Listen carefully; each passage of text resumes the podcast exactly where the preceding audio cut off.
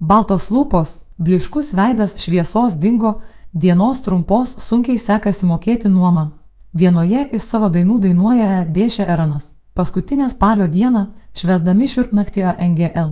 Halloween Lietuvoje galime savaip interpretuoti vieno garsiausių pasaulio atlikėjų dainos tekstą. Veidus įsidažę vaikai ar suaugusieji, trumpos dienos, ilgos naktys ir galimi finansiniai sunkumai. Tačiau ar tikrai šalies ekonomika žada mus ir toliau šiurpinti bei kaip susijęsia aranas ir infliacija? Lietuvos gyventojų perkamoji galia jau atsigauna, o šiandieną pasirodę bendrojo vidaus produkto BVP duomenys byloja, kad šiurpti žvelgiant į ekonomikos rodiklius teks vis rečiau. Šalies ekonomika trečiąjį šių metų ketvirtį kiek susitraukė, tačiau išlaikė teigiamą 0,1 procentas metinį augimą. Metinė infliacija jau pasiekė 3 procentai, o gyventojų atlyginimai vis dar auga dviženkliu tempu. Negana to, atsparumą demonstruoja ir pramonė, ir nemaža dalis eksportuotojų, ir vartotojai. Augantis šiurknakčio populiarumas taip pat kasmet vis labiau pajuntamas didesnių klientų ant plūdžių maitinimo įstaigose, kiek išauga ir papuošalų, kitų vartojimo prekių paklausa. Visgi nekilnojamojo turto kainas ir infliaciją savo dainoje gan taikliai išanalizavęs dėšė Eranas nepamini, kad sunkiai seksis mokėti ne tik už nuomą, bet ir už bilietus. Norint paklausyti šio atlikėjo dainų jo koncerte Lietuvoje kitų metų rūpjūčio 3-4 dienomis.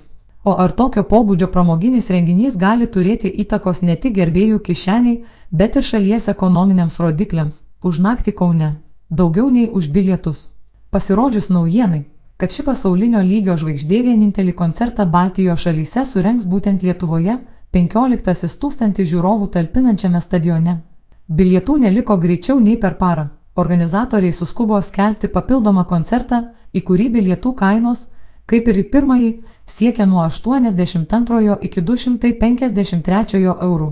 Nusprendę vykti į renginį gyventojai jau dabar širpsta ir nuo dešimtimis kartų didesnių apgyvendinimo kainų koncerto dienomis Kauno mieste.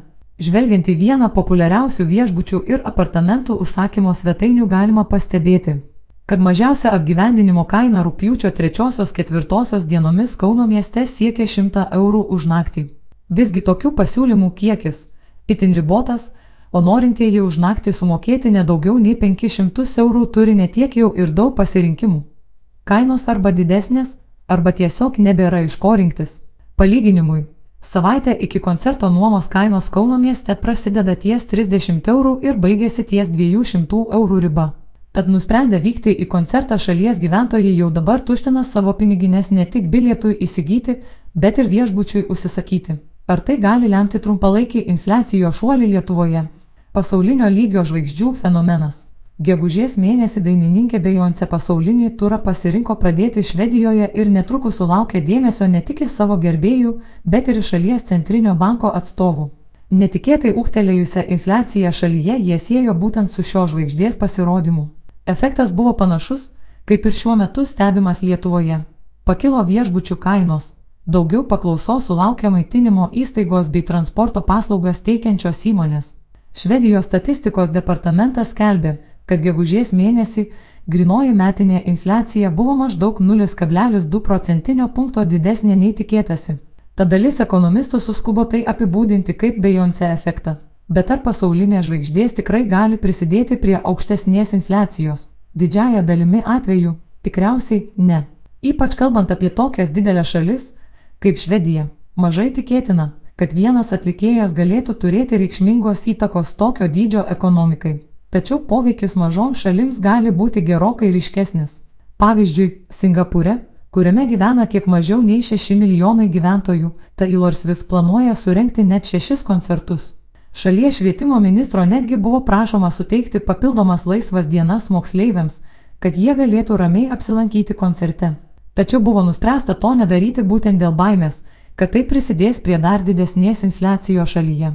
Naturalu, kad į mažą šalį plūstantis tūkstančiai gerbėjų iš viso pasaulio tikrai gali itin smarkiai apkrauti viešbučius, pakelti jų kainas ir, galiausiai, sukelti nedidelį infliacijos šuolį.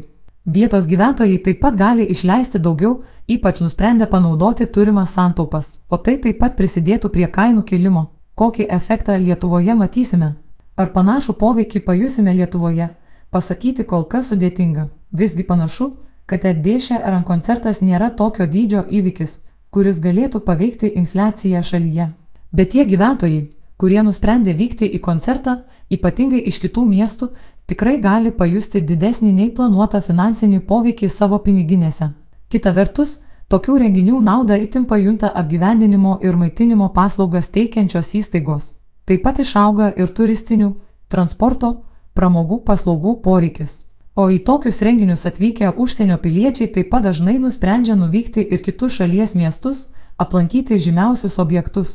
Na, o į koncertą nevykstantis, bet aštresnių pojūčių ištroškę gyventojai šiurpnakčio naktį gali lengvai pašiurpti.